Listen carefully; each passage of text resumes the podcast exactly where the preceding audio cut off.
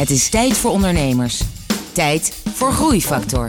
Het programma dat ondernemers beweegt, motiveert en inspireert. Hier is Kees de Jong, groeiondernemer en verbonden aan NL Groeit. Het echte verschil maak je door jezelf te zijn. Hoe je door martial arts je onderneming beter kan leiden.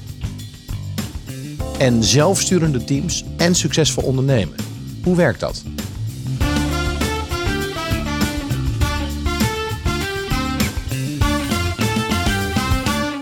Hallo en welkom bij Groeifactor. Het programma dat ondernemers beweegt, motiveert en inspireert. Met een openhartig gesprek met een inspirerende ondernemer. En vandaag is dat Floris Groeneveld. Floris, welkom. Dankjewel. Floris, jij bent van het bedrijf Critical Minds. En uh, dat klinkt al heel uh, veelbelovend. Wat, wat, wat doet Critical Minds in een uh, korte uitleg? wij helpen bedrijven hoe ze hun projecten sneller en efficiënter op kunnen leveren. En met name in de scheepsbouw, in de grote, grote jachten en grote industriële schepen. Ja, en, en je hebt een supermooie website, uh, had, ik al, uh, had ik al bekeken. Dus jij helpt inderdaad gewoon die projecten waar ze mee beginnen. Het kost 10 miljoen en dat wordt dan altijd 20 miljoen of 30 miljoen. Zorg jij dat het gewoon in ieder geval rond de 10 miljoen blijft? De, we beginnen altijd met, met de processen inzichtelijk te maken. En hopelijk kunnen we dan ook nog meer doen door te zorgen dat het eh, minder geld gaat kosten en eerder wordt opgeleverd. Ja, dus ja. Jij, jij maakt heel veel grote partijen blij, begrijp ik. Uh, ja, ja, ja. ja. Hey, hoe, hoe is dat eigenlijk begonnen? Um, ik, ik heb zelf scheepsbouw gestudeerd. Uh, ik ben uh, ooit uh, in 98 afgestudeerd bij de Schelde. En daar heb ik twee jaar gewerkt. helemaal gefocust op de planning. En de Schelde was een grote werf, hè? Voor, ja, die, bouwt, die bouwde toen het luchtcommando vergatten. En dat was een project, denk ik, van toen 5 miljard gulden ongeveer. Ja.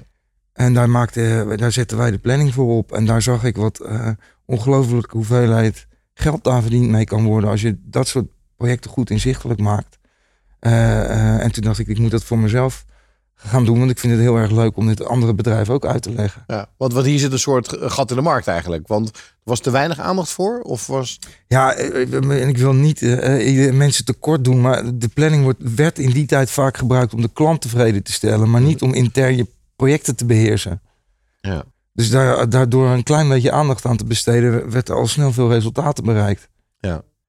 En uh, uh, ja, nou, en in dit geval denk ik dat er miljoenen mee verdiend zijn. Ja. ja. En, en jij begon het eigenlijk gelijk na jouw school eigenlijk? Of na jouw stage dan? Nou, na mijn afstuderen, ja, ja. na mijn studie. Ja. En dat is in 2001. En 2001 was wel een beetje het jaar van de eerste internetcrisis. Nou, ik zal je vertellen, ik was voor mezelf begonnen. Ja? In juni. En ik rolde zeg maar vanuit mijn bed in mijn, in mijn werk uh, achter mijn bureau. Ja. En, uh, Dit was op de spreekwoordelijke zolderkamer? Nou ja, het was een appartement in Rotterdam, maar je kan het wel zolderkamer noemen. Zo voelde ja. het in ieder geval wel. En ik had de televisie aanstaan en ik zie die vliegtuigen in die torens vliegen. En ik dacht, uh, oké, okay, geen... Ik heb geen opdrachten, ik heb niks. Uh, wat gaat er allemaal gebeuren? Dacht je dat toen al gelijk? Je dacht van, oh, dit, dit gaat... Nou, eerst dacht ik van, wat verschrikkelijk uh, natuurlijk. Ja. Echt de koude zweet breek je uit. En, en ik had nog helemaal geen opdrachten. Dus het is een tijd van, van de goedkoopste koffie kopen. het meest, ja, dat is wel echt afzien geweest, kan ik je vertellen. ik ben wel met het idee begonnen al van dat ik wilde groeien. En dat ik, ik had het boek van Ricardo Sandler gelezen. Ja. En de Vision Web had ik, was ik door geïnspireerd. Maar jij was geïnspireerd, dus jij, jij was eigenlijk klaar om te gaan. Jij zat in een appartementje, jij was klaar om te gaan en toen volgens uh, ging je niet. Ja, nou, uh, ik had gelukkig een, een oud werkgever, want ik heb twee jaar bij die werf gewerkt en een jaar bij een adviesbureau. Die belde mij uh, of ik nog een, een, een, opdracht voor ze wilde doen. Dus ik had wat inkomsten, zodat ik mijn huur kon betalen. Ja. ben snel met een partner begonnen. Uh, en maar, maar, eigenlijk was je meer een soort ZZP'er eigenlijk. Ja. Je verhuurde jezelf als ja. adviseur. Ja, ik moet zeggen, het Comijns is mijn vierde bedrijf. Ja. Ik heb de eerste bedrijf met een partner twee jaar gewerkt. En toen kwamen we er echt achter van, uh, nou, dat ging, dat ging samen niet worden.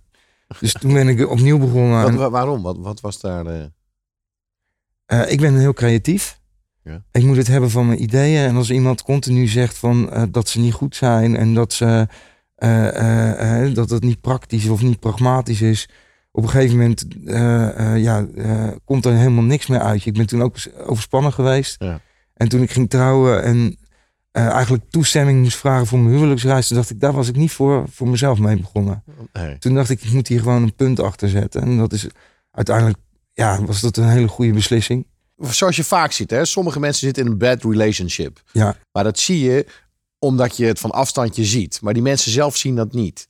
En ik kan me voorstellen dat jij datzelfde met je partner had, wat pas op het laatst zo duidelijk begon te worden. ik was 29 toen ik begon met ondernemen. Ik denk dat ik zo groen als gas was. Ja. Ehm, iemand eh, die wat ouder was dan ik en heel fanatiek was en blijkbaar iets in mij zag, waardoor hij dacht dat hij eh, eh, zich sterker kon profileren en ook dus kon ondernemen.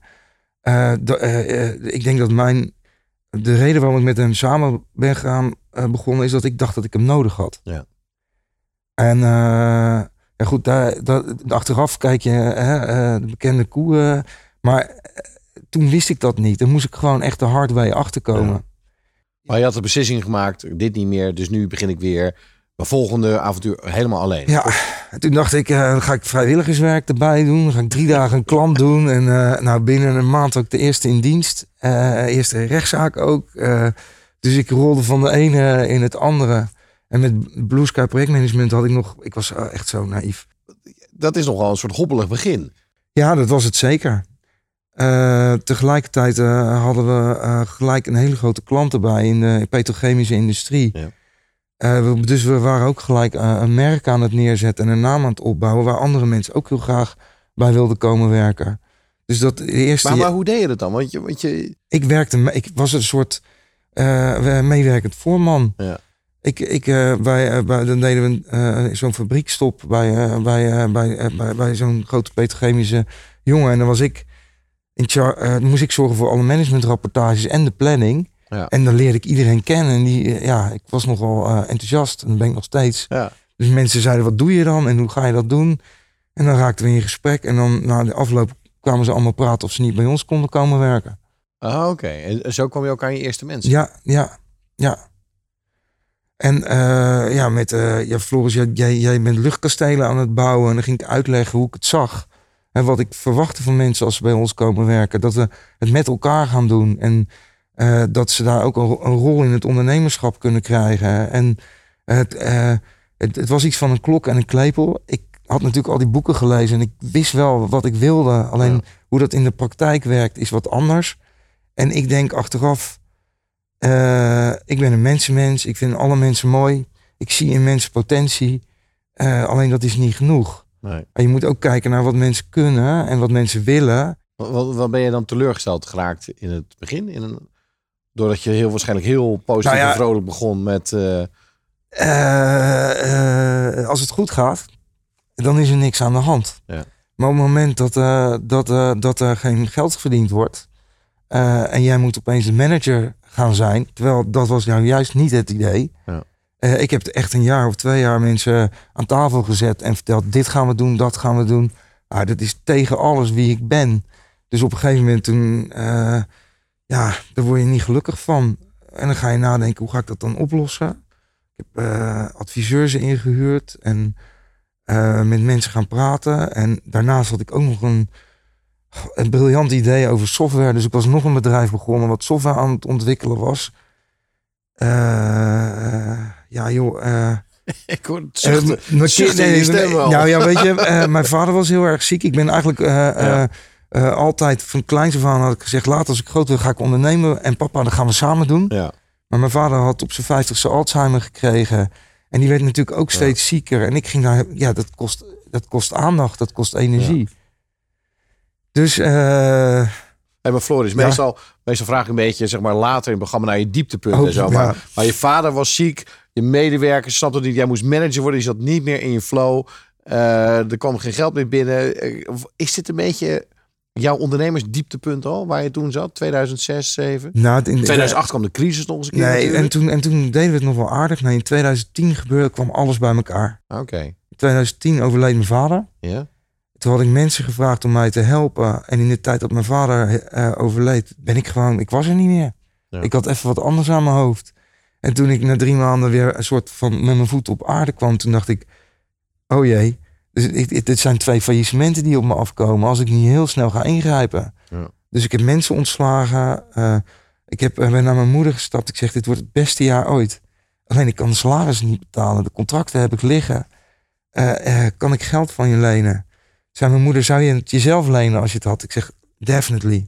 Dus ik heb geld van mijn moeder geleend om de, de mensen die overgebleven waren salaris te kunnen betalen. En ik had een soort twee plan gemaakt van in 2012 staat alles weer, hebben we al het geld weer uh, terugverdiend. Ja. Uh, het ontslaan van mensen, uh, het moeten lenen om salaris te betalen. Mensen die, die aan het in die tijd ook gewoon misbruik maakte van de situatie. Ja, ik heb toen wel, dat was wel een dieptepuntje. Ja. ja.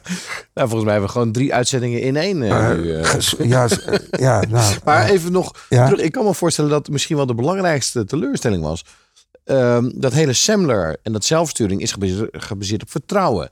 En, en dan als jij een paar maanden, zeg maar, er mentaal of fysiek niet bent dan, dan vertrouw je dat die mensen gewoon de beslissingen maken die belangrijk zijn voor het bedrijf en dat het gewoon doorgaat. Op het moment dat je dan terugkomt en je bedrijf stevend af op een faillissement, is het dan ook niet het failliet van dat model? Uh, goh, ik heb, het, ik heb het toch als een soort enorme leerervaring gezien. Mhm. En, en toch ook zelf in de spiegel gekeken. Want het heeft met veiligheid en met vertrouwen te maken. En ook wel met, met wie ga je in zee. als jij uh, in iedereen potentie ziet dan, uh, en niet kritisch kijkt naar hoe mensen in de wedstrijd zitten, dan haal je ook mensen binnen die je kunnen teleurstellen. Ja, daar ben ik wel anders over na gaan denken. Ja. Dus, uh, wat, wat, zijn nog meer lessen uit die, uit die tijd? Inzichten die je hebt gekregen. Dus, dus, dus als je dat model invoert, dan moet je het alleen doen met de juiste mensen? Ik denk dat het heel belangrijk is, is dat je geen compromis moet sluiten met waar je voor staat. Ik was, uh, en, en, uh, en dat heeft echt met levenservaring te maken. weet je, een stukje zelfbewustzijn. ik had het zelfvertrouwen niet altijd van, doe ik het wel goed? Dus ik ging ook af op wat anderen zeiden. En door al dit mee te maken kon je ook zeggen van, oké, dit doen we dus niet meer zo. Nu gaan we het anders doen en ik sluit geen compromis meer. Ik ga het nu op mijn manier doen. En ja, daar horen kaders bij. Duidelijke kaders ook voor mensen, maar ook uh, een, een, cultuur waarin je elkaar feedback kan geven, direct feedback kan geven. En dat heeft weer alles te maken met vertrouwen. Ja, ik, ik heb ze heel veel te vertellen als ik zo. Hè, in, dus die 2010 was een dieptepunt. dat hebben we recht weten te trekken. En in 2012 stond alles redelijk op de rit. Toen ben ik begonnen met Critical Minds, zoals het er nu uitziet. Mhm. En dan ben ik met uh, drie partners vanuit Finex meegestart. Uh, en, en wat ik vergeten, oh god, ja, wat ik nog vergeten te vertellen ben, ik doe uh, Chinese krijgskunst. dus dus martial, tijd over martial art. Nee, nee, nee. Wat, nou, dat is. ik, het hoge doel van Critical Minds is het verschil maken door jezelf te zijn. En hoe kom je er nou achter wie je bent? Ja. dan, dan, als je dat door gaat vragen, dan kom je al snel in een zenachtige manier van denken. En die, die trainingen die ik doe, het, het de coaching die ik daardoor krijg. En ja, het is, het is fysieke training, maar ik zit ook elke ochtend te mediteren. ik ben met mijn coach aan het praten over wat er dingen, wat er gebeurt in een bedrijf. En wat belangrijk is in die principes van die martial art is dat je contact maakt, verbinding maakt. Dat het gaat over intentie en dat het gaat over een stuk ontspannen, alert. Dat je dat meeneemt in je werk, maar ook in hoe je mensen benadert. En dat je dat stiekem ook leert. En misschien wel niet dat je het martial art noemt, maar dat je het hebt over omgangsnormen met elkaar. Dat je dat meeneemt in een team. Floris, jij vertelde net over jouw ervaring met martial arts. Uh, eigenlijk jouw hobby, maar eigenlijk ook een soort spirituele manier van leven. Je mediteert, je hebt een coach. En hoe je die inzichten verbindt in, in het bouwen van je bedrijf. Eh, je hebt dat zeg maar vanaf 2010, 2012 weer gedaan met het heropbouwen van je bedrijf. Ja. Omdat het eerst bijna misging. Wat heb je daaruit gebruikt? Nou, in, uh, in 2012 zijn we begonnen met Critical Minds. had ik ook drie partners in het bedrijf. En eens in het jaar ga ik een week retretten doen met mijn coach. Uh, en op een gegeven moment toen zei hij, uh, want ik zei, ik heb het gevoel dat ik weer de manager moet zijn. En ik weet niet hoe dat komt. Toen zei hij, Floris, uh, ze zitten aan je droom. En je droom, dat ben jij. Dus pik jij dat?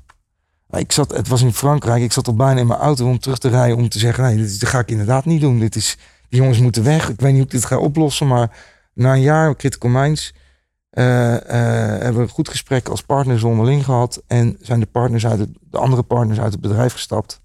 En had ik zes, zeven Critical Minds die uh, huilend bij mij in de tuin stonden. Dat zijn je medewerkers dan? Ja. Die, ja. die stonden huilend bij mij in de tuin van wat gaan we nou doen? Ik zeg, ja, weet je, we willen zelfsturend zijn. We gaan drie dagen naar de Ardennen. We huren iemand in om ons te begeleiden. We gaan een gezamenlijke visie bepalen. En daarmee gaan we op weg. En dat is tegenwoordig zijn dat onze jaarlijkse visiedagen. En het is niet allemaal meer in de Ardennen. We gaan ook, nou, het maakt niet uit waar we naartoe gaan, maar we gaan elk jaar drie dagen de visie tegen het licht houden en daarmee aan de slag. En die, die man die we hadden, die begeleider die we hadden, die zei: Floris, ik ken wel iemand, die zou je moeten bellen. En uh, toen raakte ik in gesprek met mijn huidige uh, compagnon, Chardo. En die, maar die woont in Deventer en die zei: Oh, leuk dat we elkaar nu aan de telefoon hebben, maar dit gaat natuurlijk echt niet werken. Toen hebben we drie of vier keer met elkaar aan tafel gezeten en ik had wel mijn lesje geleerd. Ik dacht: Nu moet ik weten, de klik is er wel, maar wat gaat die voor mijn bedrijf betekenen? Ja. Maar we zijn samen begonnen en in dit geval is 1 plus 1 10. wij zijn zo intuïtief samen aan het bouwen aan dit bedrijf. En, en zo ben je begonnen met, met Critical Minds. Critical Minds is sindsdien nou, gegroeid naar een tent van 27 man. Ja. En, en dat, dat is toch wel bijzonder. Dat, dat, heb, dat is echt wel. Ik, uh, uh, wat ik kan zeggen is. ik was altijd compromis aan het afsluiten met andere mensen over hoe het dan een beetje die kant of een beetje die kant.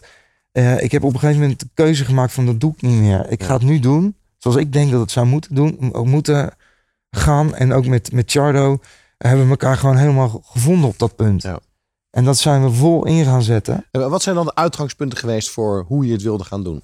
Uh, ja, god, we hebben uh, in eerste instantie onze kernwaarden uh, echt gezocht en bij elkaar gesprokkeld.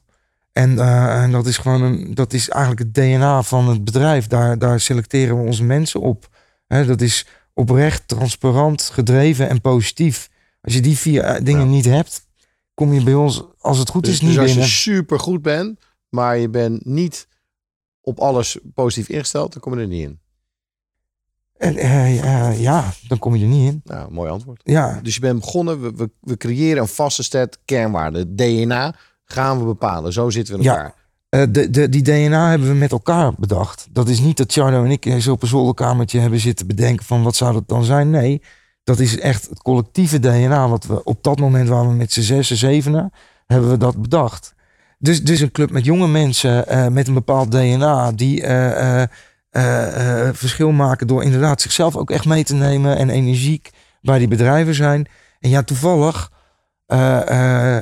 wij zijn heel erg goed, of is niet toevallig, wij zijn heel erg goed in, in projectmanagement, in projectbeheersing. Dus dat is wat we nu doen. we zijn ondertussen aan het kijken naar of we die softwareontwikkeling ook niet daarbij kunnen pakken. we zijn met allerlei trajecten bezig hoe we organisaties die zelfsturing, die, die verantwoordelijkheid nemen van iedereen en elke laag van de organisatie, hoe we dat kunnen overdragen naar, naar mensen. Dus het, DNA wat we hebben, nemen we nu ook mee in de producten die we bij de klanten neerzetten. Okay. dus die filosofie is, het is niet alleen van binnen, het is ook naar buiten toe. Ja. we zijn nu heel erg, we hebben vorig jaar in de visiedagen aangegeven, we, met elkaar, we willen gewoon het, het leukste, het tofste bedrijf worden. en daar hoort fantastische klanten bij, waar we veel toegevoegde waarde kunnen leveren. En we hebben gewoon elk jaar een plan met hoeveel mensen gaan we groeien, hoeveel klanten, nieuwe klanten willen we erbij. Uh, we zijn, eh, je begrijpt dat als je met acht man bent, dat je best in één team kan werken. Maar met 25 gaat dat niet meer. Dus we hebben nu twee teams, die zijn gesplitst. Die maken elk jaar nu hun eigen budget, hun eigen plan, wat ze denken, hoe ze denken te gaan groeien dit jaar. En Charno en ik zijn eigenlijk meer de coaches geworden van die teams. En hoe denk je dat dan ja. gaan bereiken? Ze hebben hun eigen financiën helemaal op orde. Uh, ze sturen zelf. Onze rol is coachen en nog voor een groot gedeelte ook de klanten binnenhalen. Maar zij bepalen de doelen voor de korte termijn doelen. En dan denk ik aan een jaar vooruit. We hebben het over gehad. Is groei een doel van ons? Eh, in die zin, wij willen zoveel mogelijk mensen kunnen infecteren met het critical minds virus. En zoveel mogelijk mensen de kans geven om bij ons zich te ontwikkelen. En ja, daar is voorlopig nog niet echt een limiet aan. Groeifactor is een initiatief van MKB Brandstof. Ga naar groeifactor.nl voor nog meer openhartige verhalen van inspirerende ondernemers. Groeifactor inspireert ondernemers. Uh, jij was al aan het uitleggen jouw de basisbeginselen van de, van de zelfsturing die jij hebt eh, binnen jouw bedrijf. Nou, nu weet ik dat het een thema is dat heel veel ondernemers bezighoudt. En bij jou werkt het. Zijn er ook nog dingen die niet goed werken? Oh joh, we hebben zoveel dingen die niet goed werken. Maar we zijn, we zijn ook wel van het, uh, het uitproberen. Hm. Ricardo Semler. Uh, dus we gaan gewoon salaris zelf bepalen. dus als je bij ons de eerste twee jaar ligt vast qua salaris. Uh, en daarna uh, ging een traject in met, met een soort commissie. En dan ging je zelf een soort ondernemersplan maken. En, dan, en daar kwam dan een salarisbepaling uit. De eerste hebben we geloof ik zes of zeven sessies mee gehad. Dat we onze haren uit ons hoofd aan het trekken waren van, is dit het dan? en nu zijn we dat twee jaar aan het doen. En we gaan echt terug naar wat meer kaders en structuren. Want nou, ik denk dat de meeste mensen hier knettergek van werden... Dus dan gaan we zitten we nog. Waar werden ze gek van? Want, want vroegen ze gelijk dan het maximaal haalbare? Of, of wisten ze het zelf ook niet? Of... Ja, wij werken uh, natuurlijk met over het algemeen starters. Dus, dus uh, uh, die hebben dan één bedrijf meegemaakt en dat is Critical Minds. Ja. En, en natuurlijk wel ook bij onze klanten, maar dat is van ehm, over het algemeen strak hiërarchisch naar heel plat en weinig kaders. En daar zijn we nu, daar zijn we nu dus weer beetje aan, van aan terug aan het komen. Want die duidelijkheid is ook gewoon nodig. Uh, uh, ja, ik vind gewoon dat ik uh, dit salaris waard ben. Oké, en waarom dan? Kan je dat uitleggen? Nee, ik heb eens bij mijn vriendjes gevraagd, die verdienen allemaal dit en dit. Dus dat moet ik ook hebben. Ja, maar even, dat, zo gaan wij hier niet werken. Wij willen graag dan weten wat je daarvoor gaat doen. Hè? Want dan kunnen we ook aan het eind van het jaar daarover hebben. Of je dat bereikt hebt of niet. En het is gewoon een groot experiment. En nu zijn we met elkaar wel zo van, dit kan wel eenvoudiger en dan kost het minder tijd. En is iedereen misschien ook wel blijer en gelukkiger. Ja. Dus daar zitten we hard. Dat leidde tot dat mensen, want die, hebben, die hadden dan een, ankerpunt. Die, die wilden dan uh, eh, 4000 euro verdienen of 3.500 euro. En dan wordt het minder en dan zijn ze automatisch te ontevreden, zeg maar. Zoiets. Ja, en uh, uh, het, het, het wij vonden onderbouwing wel heel belangrijk. En we krijgen ook terug van mensen die uiteindelijk eruit waren. Een soort, dan een soort, soort, soort kind wat geboren was. Ja.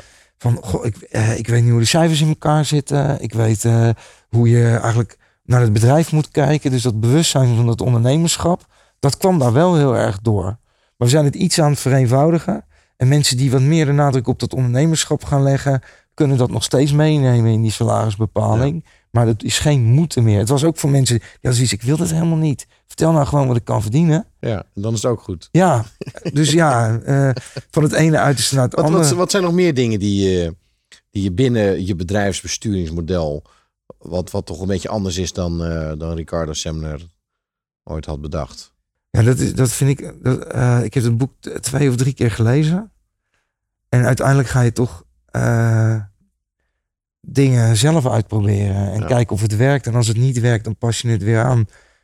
Um, wat wij bijvoorbeeld met. Uh, uh, we hebben 15, de afgelopen jaren 15% van de winst als bonus beschikbaar gesteld. En het eerste wat ik gedaan heb toen uh, die partners eruit waren, was gezegd: Oké, doen we als volgt. Een derde is collectief.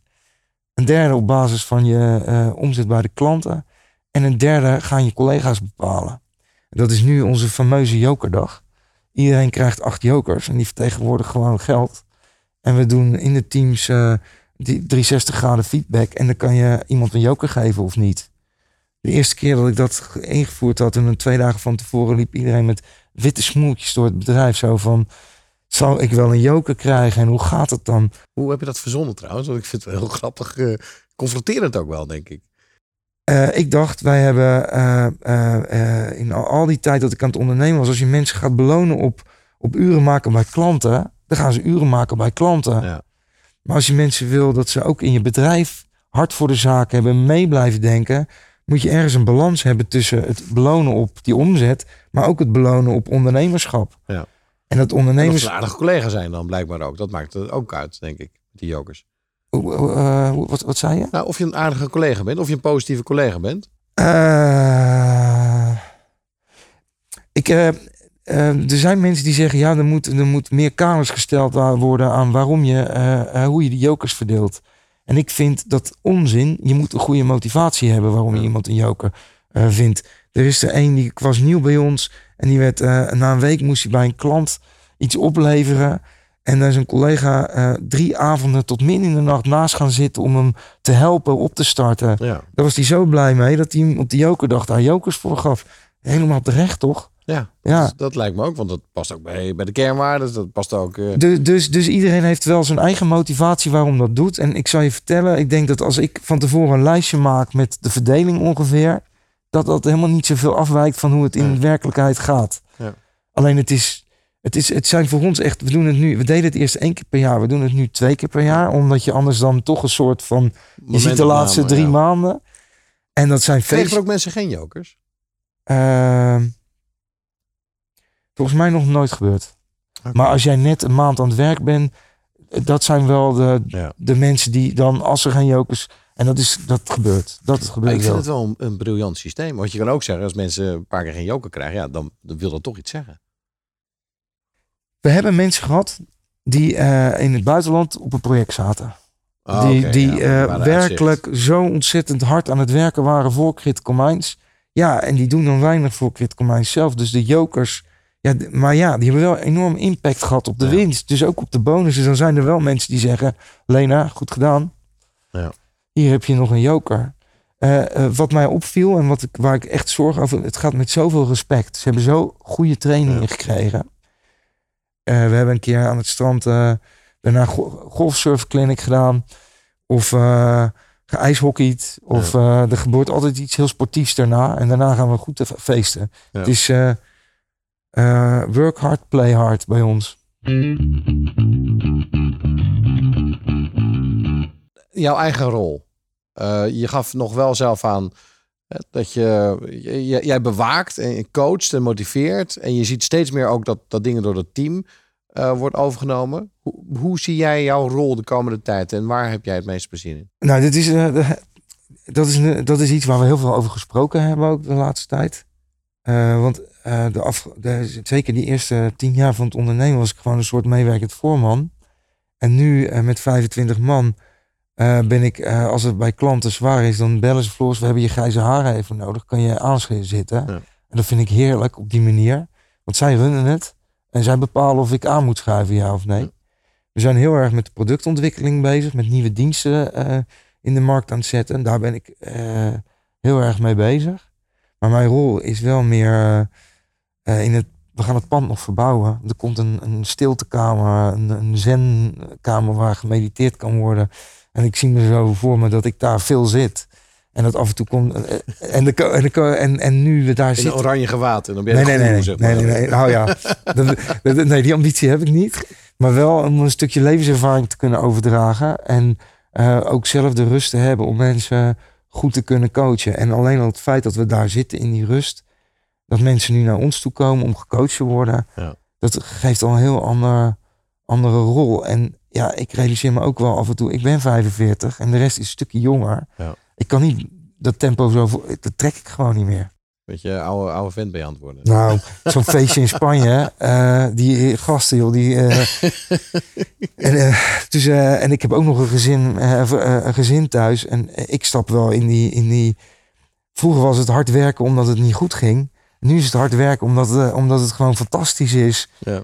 Alleen eh, vergeet ik ook nog wel eens dat ik dan thuis eh, moet bijkomen. En ik wil ook energie hebben voor mijn gezin. Dus Ja. daar ben ik nu meer... eh, ik probeer dat meer in balans te brengen. Nee, ik breng het meer in balans. Ja, Ja. Moest je zeggen van je coach. proberen, proberen, nee, ja, proberen is niet zo... Hey, je hebt, je hebt dat moest ik niet zeggen Nee. trouwens. Daar ben ik echt heel bewust mee bezig. Nee, we lopen een beetje aan het eind van het, van het programma. En ik heb zo'n gevoel dat we nog een uur zouden kunnen doorpraten, zo niet langer. Eh, en dat je enorm veel inzichten hebt gekregen ehm, waar je andere ondernemers mee zou kunnen helpen. En ehm, met name ook, weet je, je hebt een boek gelezen, de Semler, en je doet het. Hè? You're living the dream.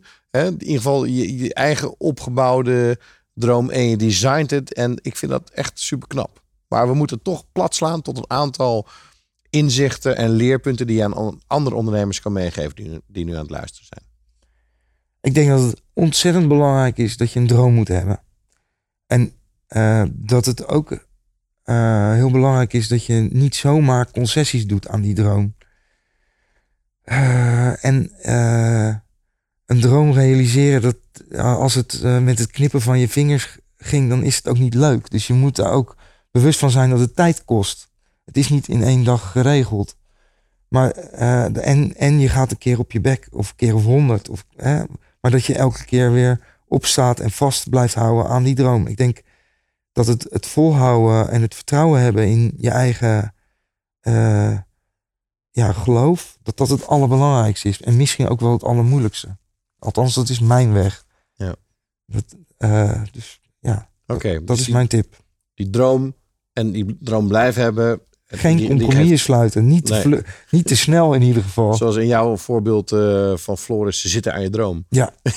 Oké, okay, dat was het eerste. Tweede. Ik denk dat dat uh, het, het echt zijn, het authentiek zijn, het, het gewoon je, ik heb dat vaker in interviews van jou gehoord, van andere ondernemers. Je moet, het allerbelangrijkste is dat je dicht bij jezelf blijft. Ja.